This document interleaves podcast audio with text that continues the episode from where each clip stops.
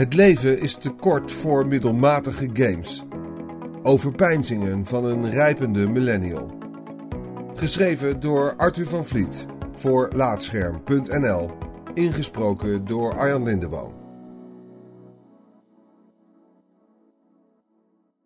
Dit is niet het eerste laatschermstuk dat je leest over een problematisch huwelijk tussen gamen en volwassen worden. Het zal ook de laatste niet zijn.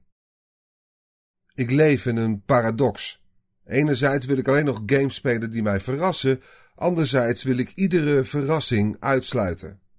Als zogenaamd volwassen man, 32 jaar, relatie, Amsterdam het nimmer rustende decor van mijn bestaan, is mijn vrije tijd schaars en mijn midlife crisis, lang zullen we toch niet leven, nijpend.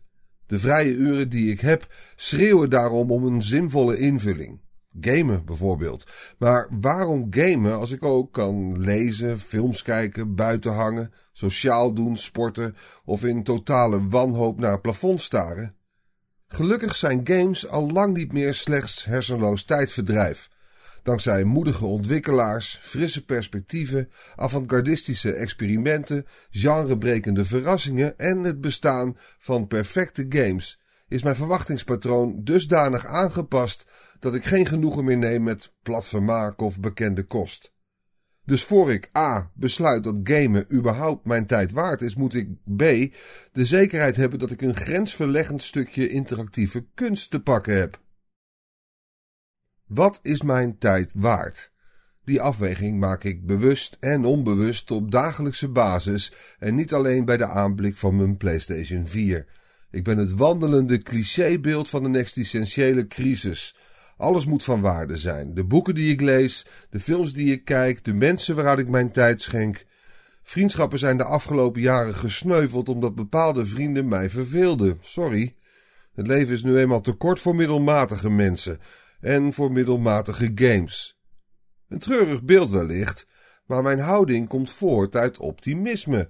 Snoeien in de middelmatigheid is mijn existentiële neiging om enige grip te krijgen op het leven dat me als dertiger door de vingers begint te glippen. De tijd gaat langzamer wanneer je nieuwe dingen ervaart, zegt de wetenschap. Dus zoek ik wanhopig naar nieuwe dingen. Games die me uitdagen, games die me iets bijbrengen. Geen games die een bekend trucje opvoeren, maar games die de grenzen opzoeken, die iets zeggen over de echte wereld, op het eigen medium reflecteren of het hele medium een stap vooruit helpen. Om de middelmaat te mijden is een streng selectieproces nodig.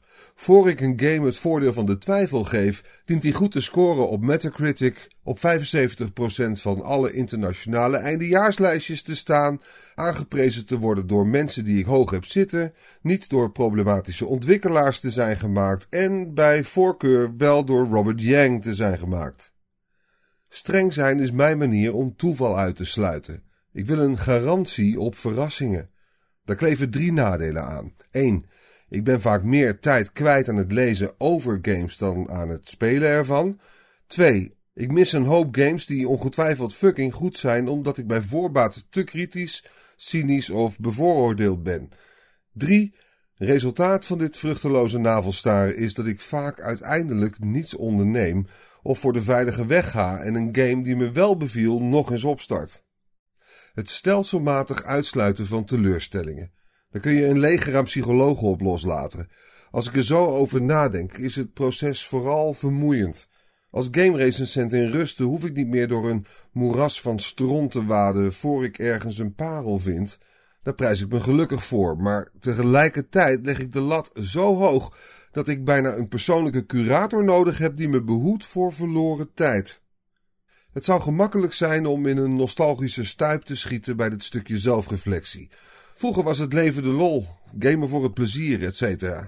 Feit is dat ik blij ben dat ik veel meer haal en kan halen uit een activiteit die vroeger oppervlakkiger was.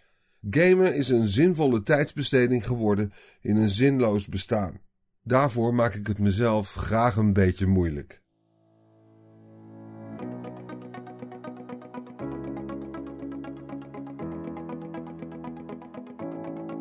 Dankjewel voor het luisteren naar deze aflevering van Laatscherm voorgelezen.